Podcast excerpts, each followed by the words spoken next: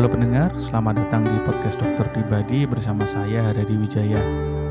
Kita sering kali menyebut orang-orang yang kenal bukan dengan nama tapi dengan julukan. Dan tidak jarang julukan-julukan ini menunjuk pada fitur fisik seperti si gendut, si kurus, si jangkung, dan sebagainya. Hal ini seperti suatu yang normal bagi masyarakat kita.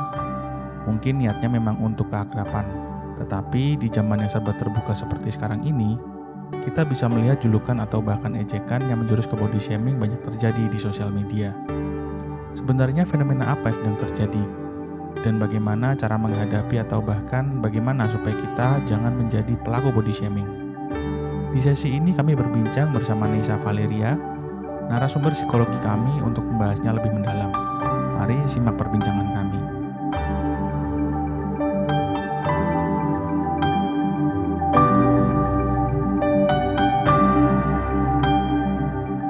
Halo Nisa.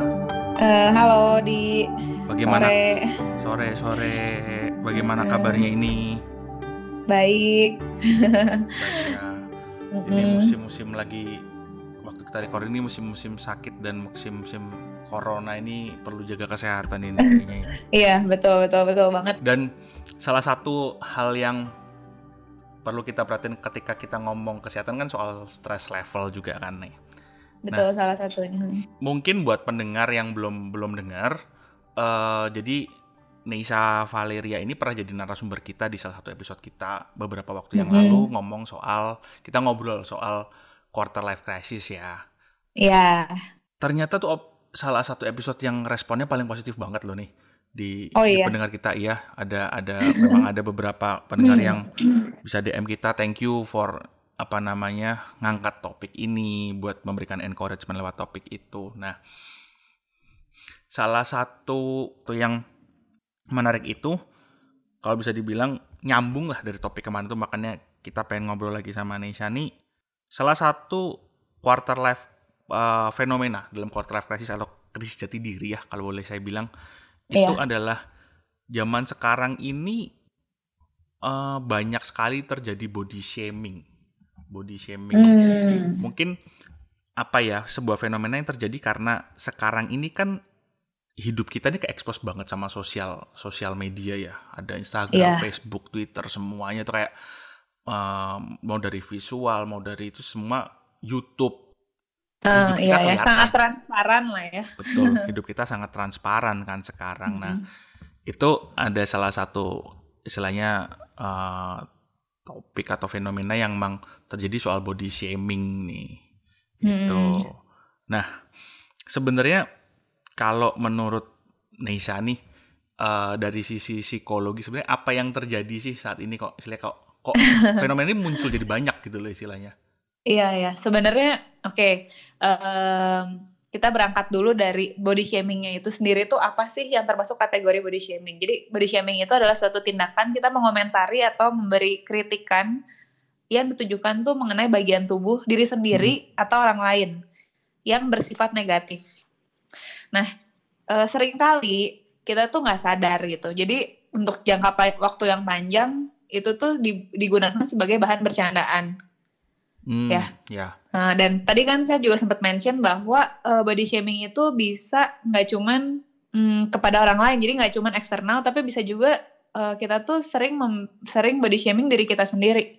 Hmm, ya, ya, ya, ya, ya betul. Nah, betul. ini juga suatu fenomena yang menarik juga sih dari situ. Nah, um, kalau ditanya kenapa sih sekarang kok bisa kayaknya um, jadi apa ya lumayan happening gitu ya? Beberapa tahun terakhir juga sampai pemerintah aja mengambil mengambil tindakan gitu terkait dengan perkara body shaming. Kan kita tahu ya sekarang body shaming itu juga bisa dilaporin ke polisi.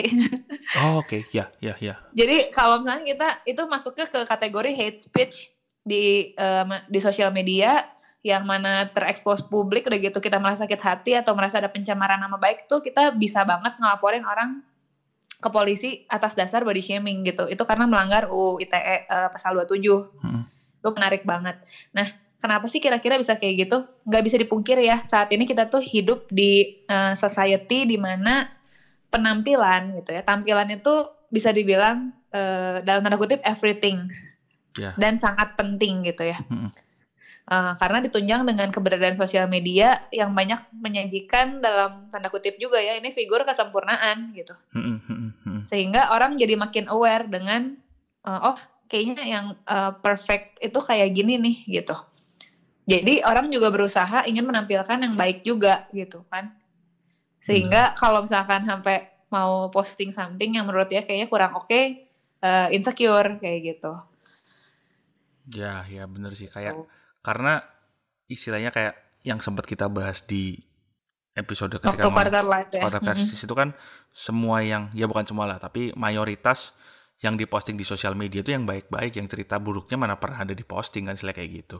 Iya, terus kalau kaitan sama body shaming sebenarnya zaman sekarang tuh uh, kita juga tahu lah maksudnya um, namanya orang tuh udah pinter-pinter. Zaman sekarang foto rata-rata orang bagus. Kalau kita ngomongin soal fisik ya um, kadang-kadang kalau misalnya kita lagi down terus kita ngelihat aduh orang nih cakep banget sih bodinya bagus. Uh, ya oke okay lah tapi itu kita jangan apa ya jangan terima itu mentah-mentah. Karena kan banyak hal lah gitu untuk menuju ke sana kita juga nggak tahu effortnya orang itu kah atau hmm. misalkan zaman sekarang yang harus dipungkiri editing apps juga udah banyak banget betul, betul. jadi maksudnya kita eh, nggak uh, usah menelan itu sebagai suatu trap sih gitu benar benar benar benar karena hmm. belum tentu apa yang terlihat itu memang aslinya kayak gitu. Betul. Iya. Tapi kalau boleh ngomong ya nih ya, uh, eh, yeah. body shaming ini, kalau menurut saya ya body shaming ini kan satu hal yang sebenarnya udah lama terjadi loh. Kenapa saya ngomong udah lama terjadi? Uh, ketika kita kecil dulu itu kan kayak, ya mungkin maksudnya bercandaan ya, bercandaan mungkin ada om, tante, atau bahkan mungkin orang tua sendiri. Ih, nih anak kok gendut ya lucu ya itu kan uh. itu bisa saya nggak tahu maksudnya kalau hmm. dari sisi psikologis ketika hmm. seorang anak kecil uh, dikatakan mungkin waktu kecil ngomong ih gendut ya lucu ya itu bisa nggak kebawa sampai sampai ketika ya sampai dia dewasa atau dia tumbuh seperti itu. Jadi jadi punya punya mental state bahwa oh saya gendut saya gendut saya gendut kayak gitu. Uh, bisa. Justru itu. Makanya sebenarnya kalau uh, body shaming itu bisa dimulai ya dari uh, seseorang tuh bisa jadi korban body shaming itu bisa dari kecil gitu. Karena ya itu misalnya ya uh, yang tadi seperti yang Didi bilang oh gemuk ya gemuk gitu padahal sebenarnya uh, orang kan badan bawaannya beda-beda hmm. ada emang yang punya kecenderungan uh, lebih mudah gemuk daripada orang lain dan sebaliknya ada juga orang-orang yang kurus. Hmm. Nah, selama ini kan kita memang sering denger ya body shaming itu lebih ke arah kayak gemuk, udah gitu misalkan warna kulit misalkan karena ada standar kecantikan seolah-olah kalau putih itu uh, lebih cantik misalnya atau yeah. lebih cakep. Yeah. Nah, um, padahal sebenarnya sebaliknya pun ada gitu orang-orang yang dibully misalkan karena kurus nggak bisa gemuk, dibilang cacingan lah, dibilang kerempeng itu juga termasuk body shaming. Hmm, hmm.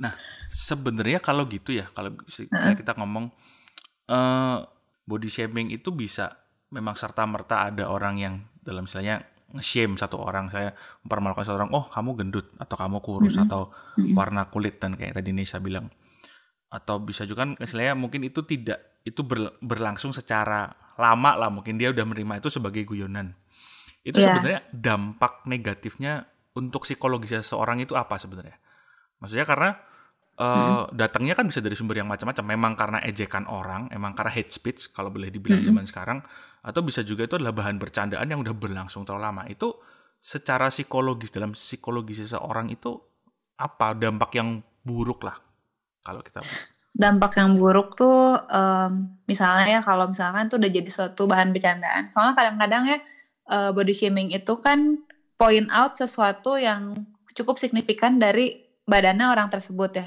Hmm. Misalkan antara gemuk, kurus atau misalkan dia punya um, apa ya? suatu ciri tubuh yang misalkan uh, misalnya sorry ya dagunya misalkan agak panjang terus hmm. Uh, ada julukan tertentu lah gitu dari teman-temannya. Hmm, hmm. Nah, dia kan internal internalisasi nih. Oh, emang saya tuh seperti itu. Jadi dia um, ya udah lama-lama dia kayak internalisasi tapi sebenarnya dalam hati kan kita nggak tahu orang tuh mikirnya gimana. Hmm. Ya uh, itu bisa awalnya tuh misalkan dia ya sedih sakit hati lama-lama pasti uh, dia lebih kuat sih maksudnya kayak pasti lebih ya udahlah diterima tapi sebenarnya dalam hati kecil bisa aja sebenarnya itu adalah hal yang sangat mengganggu dia jadinya uh, stres, kemudian depresi ringan sampai ke depresi berat. Uh, mungkin kalau di Indonesia ini bukan topik yang terlalu kencang. Maksudnya gini, kalau di luar negeri banyak banget remaja-remaja yang berakhir ke suicide gitu. Hmm, hmm. Bunuh diri yang karena ya itu, karena insecurity, karena bullying fisik seperti itu. Hmm. Gitu. Jadi kalau mau dibilang dampaknya bahaya nggak? Bisa bahaya banget. Bisa sampai mental gitu. breakdown mungkin ya. Ya memang kalau Iya. Iya kan? Uh-uh, benar. Kayak... Jadi dari insecure, stres, depresi ringan sampai depresi berat yang lebih parahnya lagi bisa ya itu sampai ke arah orang bisa mengakhiri hidupnya gitu karena saking stresnya. Sebenarnya ketika ngomong body shaming nih, kalau mm-hmm. ketika saya research research lihat-lihat, kayaknya kesannya kan kayak selalu nempel apa ini fenomena yang sering terjadi di di perempuan. Tapi sebenarnya laki-laki itu juga banyak ya kayaknya ya. Kayak Iya. Benar-benar. Jadi um, kalau menurut saya sih body shaming ini nggak mengenal uh, jenis kelamin, usia, gender. Soalnya gini, um, ada orang tua yang sampai tua pun gitu, orang yang udah sampai dewasa pun ternyata julukannya nempel gitu ke dia. Hmm, ya, ya. Dari kecil sampai Betul. sampai udah gede sampai udah usia dewasa teman-temannya masih manggil itu dan anggap itu sesuatu yang lucu. Ya mungkin buat si orangnya udah ya udahlah memang panggilan saya jadi kayak gini tapi sebenarnya itu juga termasuk kategori kita uh, body uh, body shaming ke orang tersebut gitu kan gitu terus kalau misalkan laki-laki memang sih kadang-kadang karena cowok beda mungkin ya cara copingnya daripada cewek. Kalau cewek kan memang lebih masukin ke hati mungkin. Ya mungkin ya. mungkin. Mm-mm. jadi mm, kalau cewek kesannya body shaming itu jadi girls thing padahal enggak gitu. Cowok-cowok juga banyak banget yang ngalamin body shaming. Ya ya memang sih. Julukan dari kecil yang dibawa sampai itu mau orangnya tadinya kecilnya gemuk terus gedenya jadi atletis juga kalau udah panggilannya si endut dari dulu juga sampai gede si endut terus panggilannya. Iya si endut terus iya. Bener-bener bener satu itu fenomena yang uh, apa ya kalau saya ngomong jemak ya di Indonesia kayak kayak gini deh. Kalau salah satu sapaan yang paling umum dan paling sering terjadi di Indonesia ketika kita ketemu orang yang lama kita nggak ketemu itu apa? Eh gemukan iya. ya eh, ya. eh, eh kurusan ya. Nah iya. selalu selalu ngomongnya kenapa harus fisik sih istilahnya kayak jadi gitu. Uh, ucapan apa ya kata sapaannya itu jadi kayak kalimat pembuka obrolan nih jadi yeah. itu kayak ter, selalu terkaitnya ke situ gitu bener bener bener hmm. jadi kayak oh ini apa karena itu kayak kayak berarti masyarakat kita udah nganggap itu umum banget mungkin ya iya padahal sebenarnya orang-orang ya dianggap umum tapi sebenarnya orang-orang tetap aja bete dan ngerasa tersinggung dengan itu uh, ibaratnya mungkin kalau di, di di sini kan kita gimana ya di Indonesia ada kebiasaan kita kayak nanya hal-hal cukup pribadi itu ya relatif lebih biasa dan lebih dimaklumi dibanding kalau negara negara-negara yang punya apa ya culture lebih individualis. Hmm. Ibaratnya tuh ngomong kayak gitu tuh kayak nanya umur tau gak sih? Kan kayaknya yeah. Ya. uh, apa ya root gitu tau gak sih hmm. kayak ah uh, apa sih gitu kepo banget gitu. Jadi diomongin kayak gitu tuh kayak apa urusannya sama lo gitu sebenarnya. Iya iya iya. Ya kan? Kenapa nggak ngomong hal yang lebih positif gitu ya? Uh -huh. yang lebih apa ya lebih general dan lebih positif lah gitu buat orang. Hobinya apa sekarang kayak gitu kan? Iya bener-bener nah sebenarnya gini nih kadang uh, yang menarik karena Nisa kan backgroundnya dari psikologi pendidikan iya, iya. Uh, ketika kita dari sisi orang yang mungkin menerima apa ya verbal abuse ya kalau saya boleh ngomong. Verbal abuse ya mengenai body shaming ini. Um, apa sih sebenarnya yang harus kita lakukan buat buat menghadapi itu? Karena satu mungkin awalnya kita nganggap ini bercandaan waktu kita tumbuh. Mm -hmm. terus lama-lama mungkin kita kayak kayak uh, sebenarnya kita merasa ini nggak nggak oke. Okay. kita kayak kok gitu sih? Tapi kita karena udah terlanjur jadi apa ya bahan mungkin bahan yang guyonan yang normal atau berlaku sekian lama kan kita kayak mau ngelawan juga nggak bisa kayak kesannya gitu. Nah, mm-hmm. apa yang sebenarnya kita harus lakukan dari diri kita sebagai orang yang menerima itu gitu loh. Untuk Anda yang tidak ingin ketinggalan berita kesehatan terbaru atau ingin berinteraksi langsung dengan tim dokter di podcast Dokter Pribadi, silakan follow akun Twitter kami di @dokterpodcast. Sekali lagi akun Twitter kami ada di @dokterpodcast. Yang pertama sebenarnya kalau kita merasa itu mengganggu diri kita, hmm. uh, harus berani speak up sih, ngomong soalnya itu ada uh, kita harus kasih tahu karena mungkin orang-orang sekitar kita pun udah saking terbiasanya berpikir bahwa itu adalah hal yang wajar, hal yang normal orang dari kecil udah gua manggil kayak gitu kok gitu. Hmm. Jadi harus berani speak up. Dan itu uh, saya mencerita sedikit bahwa saya pernah ngalamin ada hmm. teman saya dari SD dia punya panggilan tertentu pas uh, sampai kuliah, terus pas kerja saya ketemu lagi di Jakarta, saya panggil dengan panggilan itu, terus dia nggak mau noleh. Akhirnya sama saya kan kayak di, didatengin, terus dia bilang, iya gue udah nggak mau kalau ada orang manggil gue kayak gitu. Nah itu dan menurut saya itu suatu tindakan yang hebat banget loh, berani banget dia kayak gitu. Maksud saya dia berani speak up for himself ini cowok. Mm-hmm. Udah gitu, akhirnya saya ceritakan ke beberapa temen dan beberapa temen ternyata juga sama udah ngalamin. Jadi ngajak dia ngomong dengan panggilan yang itu dia nggak mau tanggepin. Dan akhirnya dia bilang, gue udah gak mau dipanggil kayak gitu. Jadi gue pengen dipanggil dengan nama gue. Itu ya itu hal yang baik banget sih menurut aku. Jadi kayak stand for himself gitu. Yang pertama.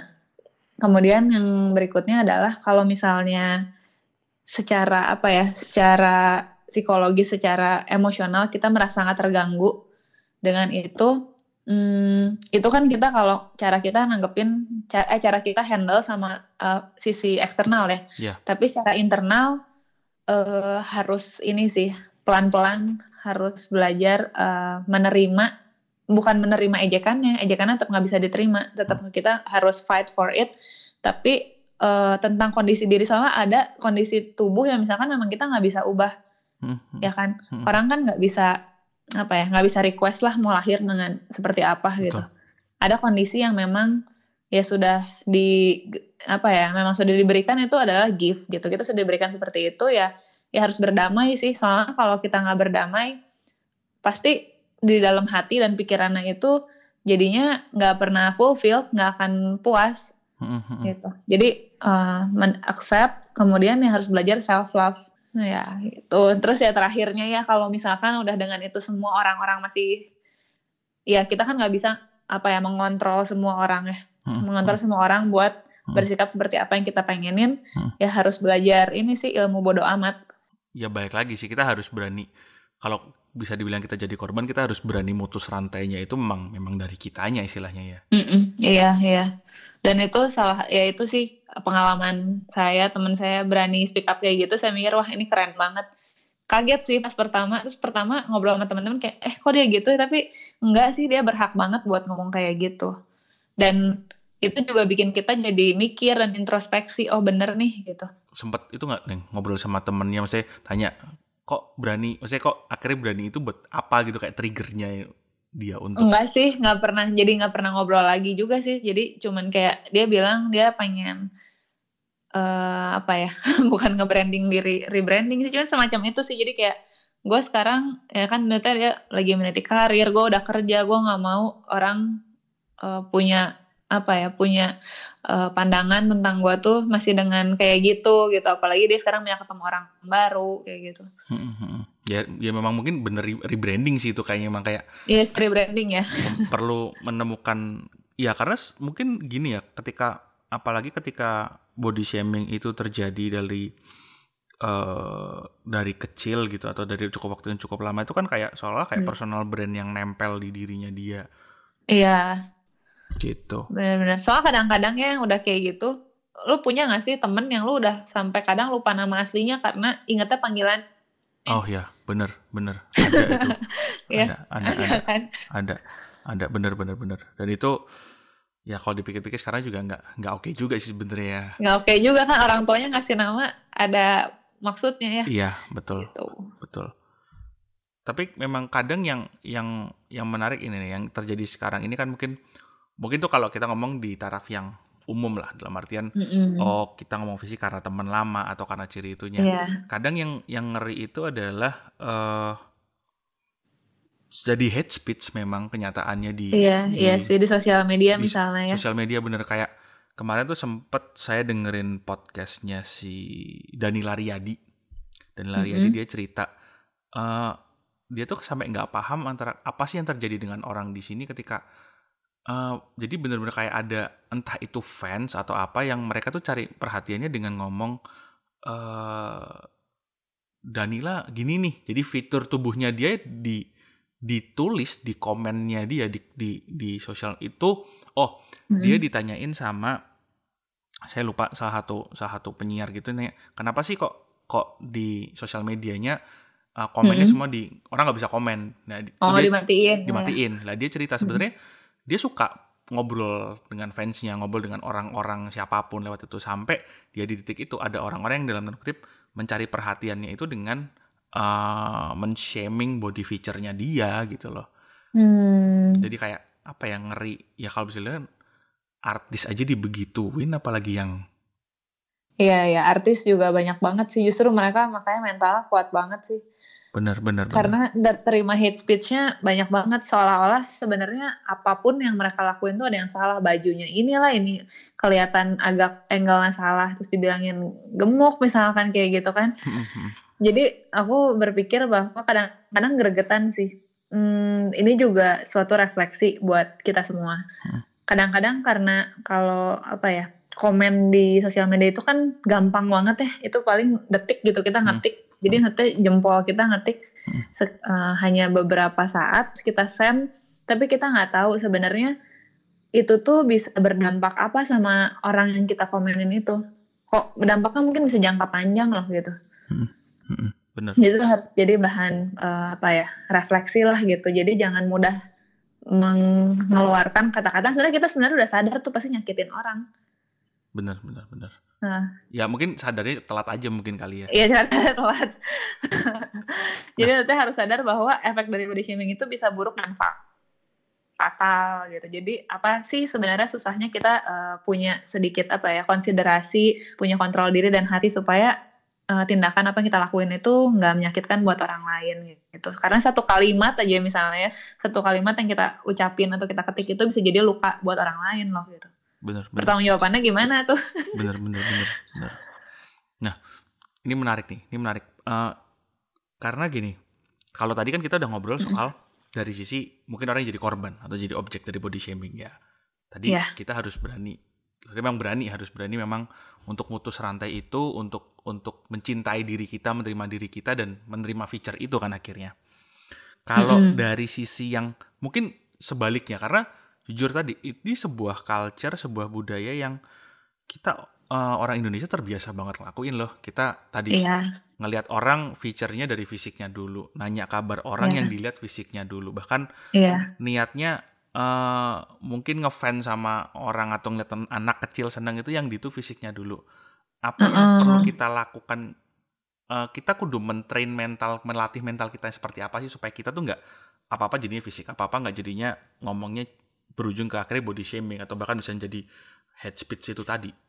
Ya, nggak bisa dipungkiri mungkin sebenarnya kita kita juga adalah pelaku hmm. body shaming ya tanpa kita sadar atau nggak sadar ya. Hmm. hmm hmm, apa yang harus kita lakuin sebenarnya simple itu mah bisa dibilang fondasi dalam berperilaku dalam kehidupan ya yaitu posisikan diri sih balik lagi uh, pernah baca nggak sih?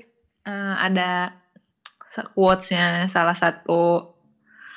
Itu Lause atau Gandhi ya? Intinya gini loh kita setiap kali mau melakukan satu uh, pikir lagi gitu. Apakah yang akan kita ucapkan atau apa yang kita lakukan itu ada gunanya atau enggak?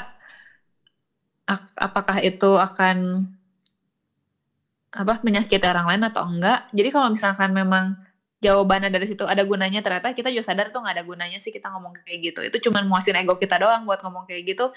Ya ada baiknya ya nggak usah. Nggak usah hmm. diomongin. Itu uh, tadi kan Didi sempat ngomong apa kita harus ngetrain main uh, apa cara kita berpikir. Iya sih itu harus latihan. Soalnya saking kita mungkin udah saking terbiasanya bersikap seperti ini ya itu keluar begitu saja gitu. Hmm. jadi memang harus sadar diri juga ya sad, uh, lebih sadar diri lebih uh, aware sih dan lebih mindful nah ini nih aku membahas soal mindful jadi apa ya melatih diri untuk lebih mindful dalam dalam uh, segala hal dalam berpikir bertindak uh, dalam berkata-kata. Percaya deh kalau misalkan kita melatih diri kita untuk lebih mindful ya, kita setiap kali mau ngapa-ngapain itu pasti konsiderasinya lebih panjang. Hmm. Gitu. Bener, dan itu butuh waktu sih pasti untuk membiasakan diri seperti itu. Dan kadang-kadang situasi tertentu misalnya ketika kita lagi kumpul sama teman-teman eh, bisa aja itu tuh ambiar gitu buyar. Karena kan kalau lagi di situasi yang kita euforia misalnya sama temen lagi ngomongin apa gitu tiba-tiba nyerempet jadi ngomongin temen jadi eh, ujungnya body shaming kita kayak ketawa kayak gitu Hmm, kan. hmm.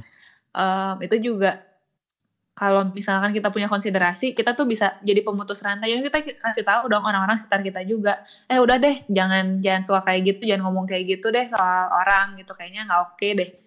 Gitu. Benar. jadi harus berani sih walaupun pasti respon orang nggak nggak akan nggak tentu akan ini positif gitu. Benar benar benar. Harus harus harus berempati lah kalau boleh aku harus berempati ya intinya itu. Melatih melatih Berempati. melatih empatinya kita sih. Karena memang eh, kalau sekarang istilahnya kita tuh gampang banget gibah gitu. Apalagi kan kumpul sama teman Mhm. euforia udah udah terus obrolannya pasti ngobrolin orang lain ujung seringnya iya ujung-ujungnya. betul betul. Bener-bener.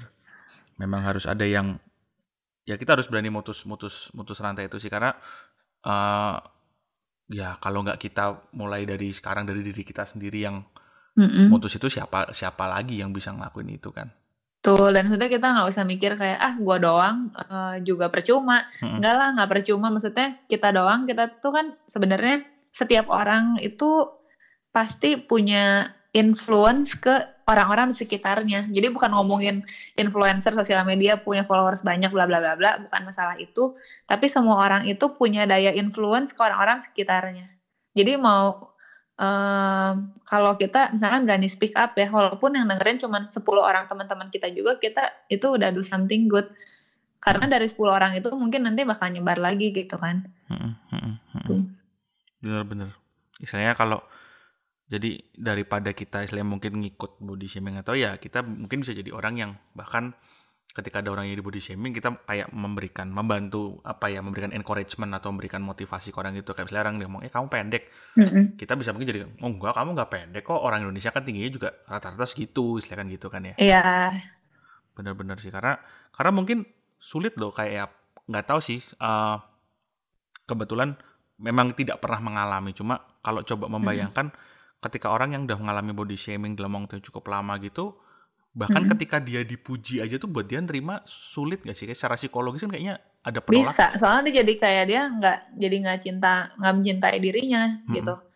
Jadi ngelihat dirinya, aduh pokoknya gue nggak puas aja gitu, nggak suka gitu sama diri gue. Dan oh ya ini soal body shaming ini kan bisa gini, bisa ke diri, bisa juga kita body shaming ke diri sendiri. Jadi nggak cuman orang lain ngomongin kita.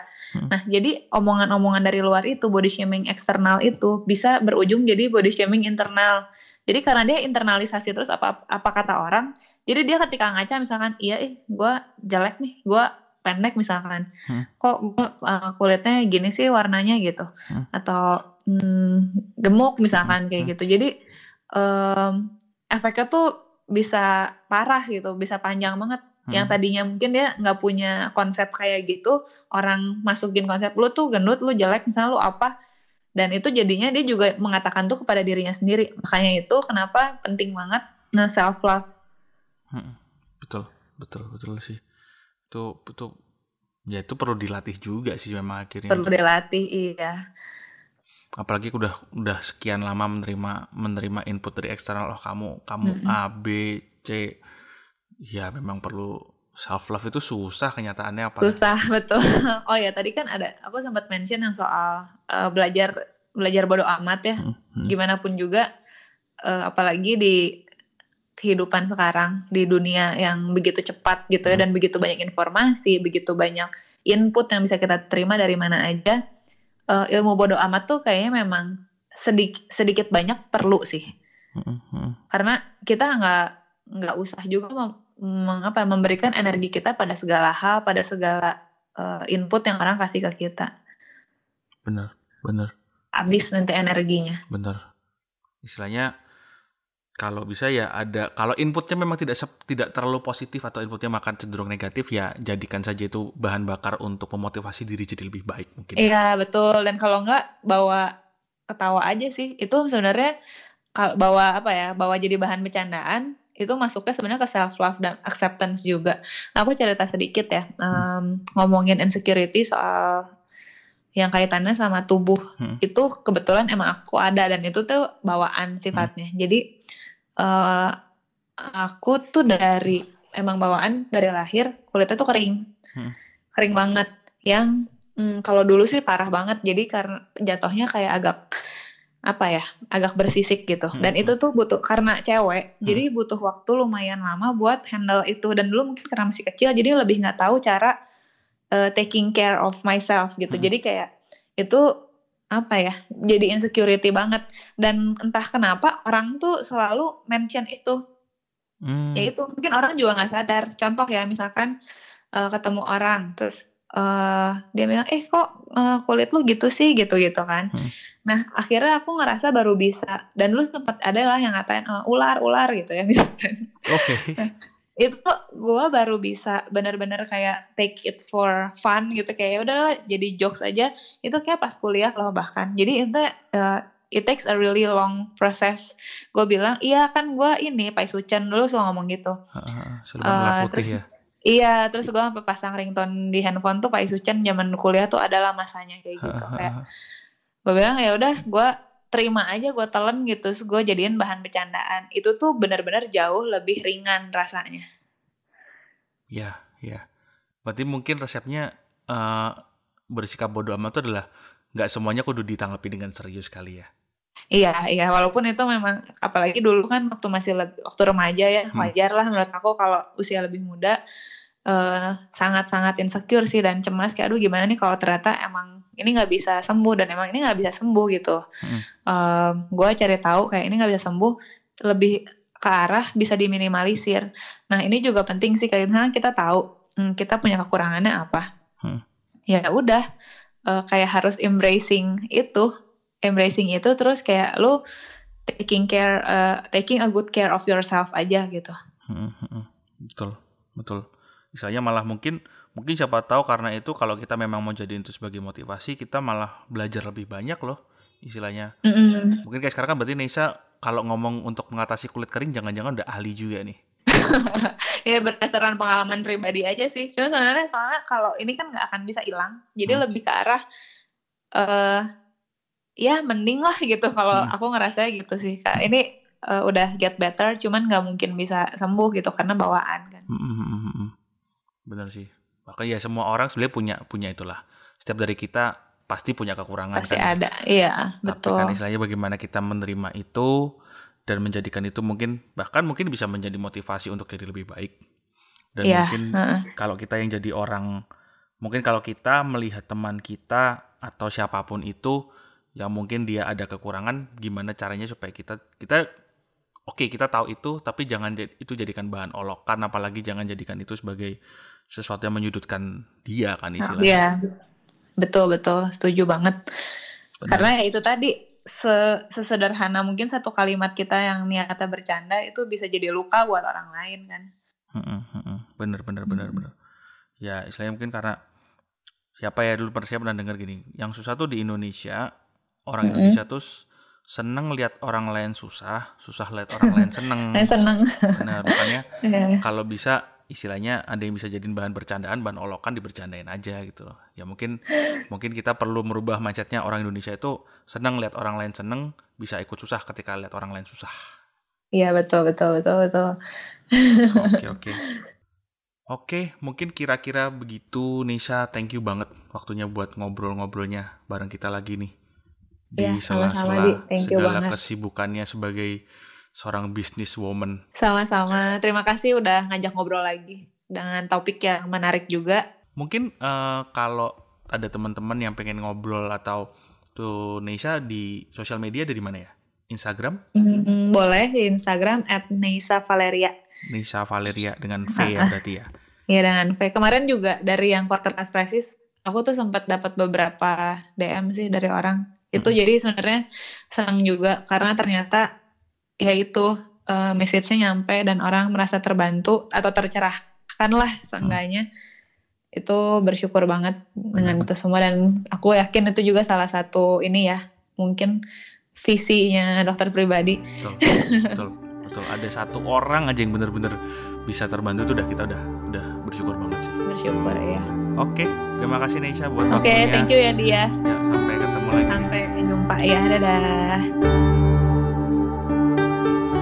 Ingin bertanya lebih lanjut mengenai topik sesi ini, atau ingin mengusulkan topik-topik kesehatan untuk kami bahas dengan ahlinya? Jangan lupa follow dan DM melalui akun Instagram kami di @dokter.pribadi.official. Sekali lagi, akun Instagram kami ada di @dokterpribadi.official.